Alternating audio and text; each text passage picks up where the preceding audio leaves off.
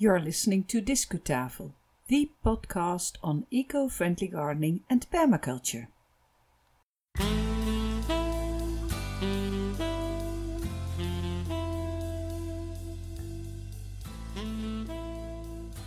Hi there, I'm delighted to welcome you to another show of this green audio, also known as Discutafel podcast. Our main topics are related to eco friendly gardening and sustainability. And the studio is here in the Netherlands, but our audience seems to be all over the globe. This is episode number 99. It has been released in 2021 on April 22nd. And my name is Yvonne Smit.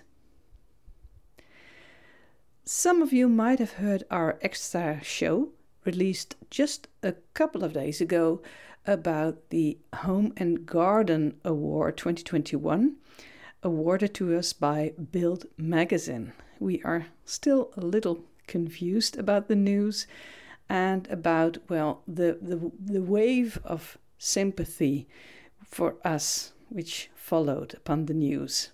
Thank you very much, dear neighbors and friends family, business contacts, green volunteers, and all you listeners of whom we suddenly uh, know their names because they congratulated us on social media.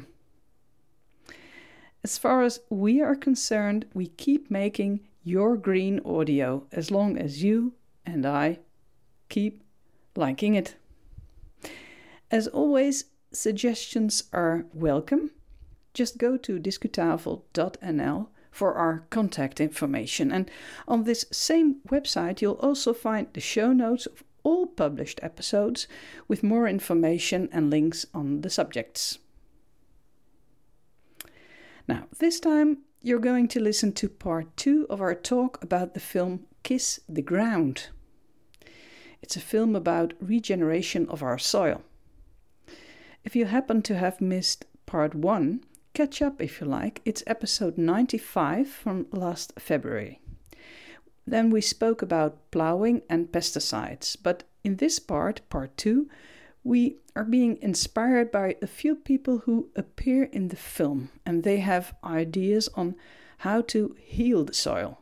Let's listen to their message. Imagine your host talking to you, not here in the studio, but in her city garden last February with traffic noise in the background. Not too much birdsong, because my talk was recorded in wintertime. And as you know, English is not my native language, so I'd like to apologize for reading out now and then.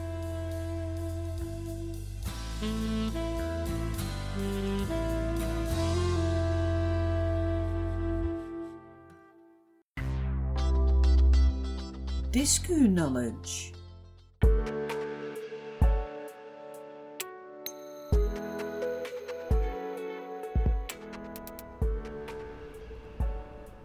We learned that deep ploughing of the topsoil and spraying soils with toxic chemicals results in dirt and poisoning the land as well as ourselves. The film Kiss the Ground highlights another phenomenon as well. When you damage soil, you give carbon free to the atmosphere, and the main cause of climate change is the increase in greenhouse gas concentrations in the atmosphere. And the soil itself? well, it turns into dust. This process is called desertification, and it happens only when we create too much bare ground. We disrupted the small water cycles. We've changed the microclimate on more than half of the world's land, so we changed the macroclimate. So you see, soil, plant, and climate, they are connected. And the way we handle it now is a pressing threat to our planet and species. Let's go to Alan Savory. He is an ecologist and livestock farmer, and he appears in the film. I must admit, I had never heard of him, but a minute or so on Google, and I knew a little more about this man. This Alan Savory was born on a huge ranch in Zimbabwe, and he originated holistic management. That's a system thinking approach to manage resources. Savory advocates using bunched and moving livestock to what he claims to be mimicking nature as a means to heal the environment. Hey, mimicking nature, that's a principle we know in permaculture, don't we? Watching nature, trying to mimic it, to, to mimic natural processes, and not interfering when not necessary. Well, this man Savory states that only livestock can reverse this desertification. Livestock is a tool available to humans with which to address this desertification. And he says, well, I'm not only contributing now to, to, to, um, to combat climate change, but also to um, combat much of the poverty and emigration and violence and other social problems in the world because poor land leads to poor people. It leads to disruption, to floods, to massive integration into cities and across borders. His controversial ideas have sparked opposition from academics. Uh, he says grasslands hold the potential to sequester enough atmospheric carbon dioxide to reverse climate change. He says the problem isn't the animal, it's where the animal is at. Well, how does this um, this method work then, Savory's method? Well, he introduced a holistic planned grazing in various countries. He sees it as a process ma- of management to reverse desertification of fragile grasslands by carefully planning movements of dense herds of livestock. In the film, we saw uh, segments of uh, fencing. We saw people moving cows from one piece of land to another to mimic those found in nature. And uh, allowing sufficient time for the plants to fully recover before regrazing. I think this holistic uh, approach is an interesting thought of an interesting man but I also think it's difficult to put it in practice in small countries like here in Western Europe. But why not read about it and think about it, and perhaps we'll find our own solution on the same about, on the basics of the same principle. Let's go and listen now to another farmer who has an interesting story. It's not about animals, but it's about plants.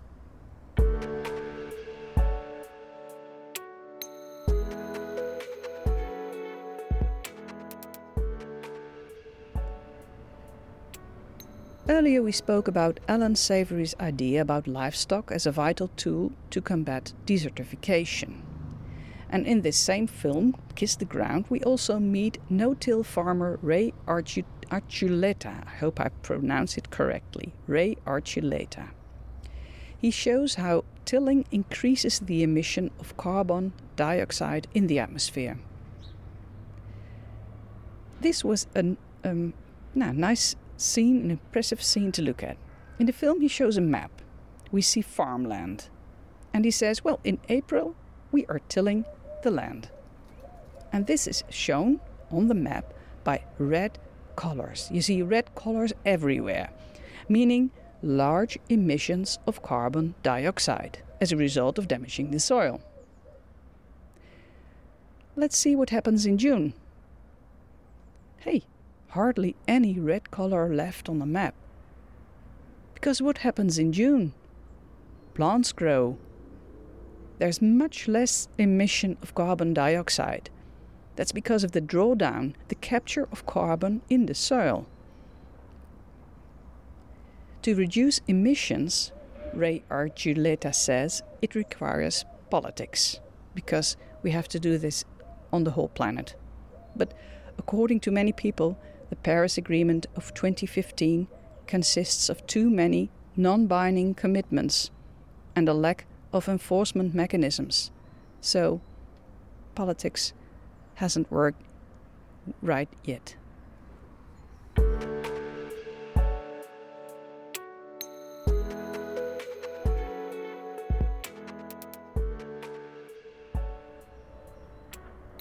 What do we learn from this? What do we learn from Kiss the Ground?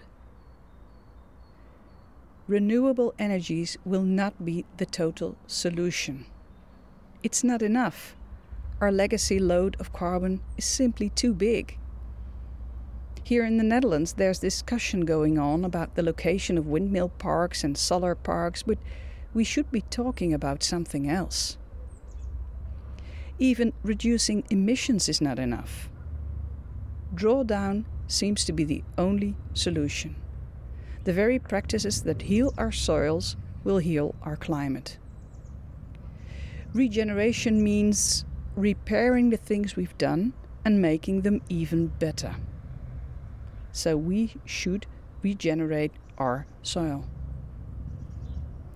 To conclude this talk about soil and about the film, a couple of years ago I had the pleasure of listening to a speech of the Chinese American filmmaker and ecologist John D. Liu. He is in this film Kiss the Ground too, and he says, Cradles of civilization like Greece and Rome, they have turned to deserts. Human beings started in paradise. Let's restore a little bit of paradise every day. This was my story, my talk about the film, and my thoughts about the film Kiss the Ground. Where do you want your food to come from? The overall message of the film is we must harness the regenerative power of the earth. And you can start at your own back door in your own garden. That's my opinion, anyway.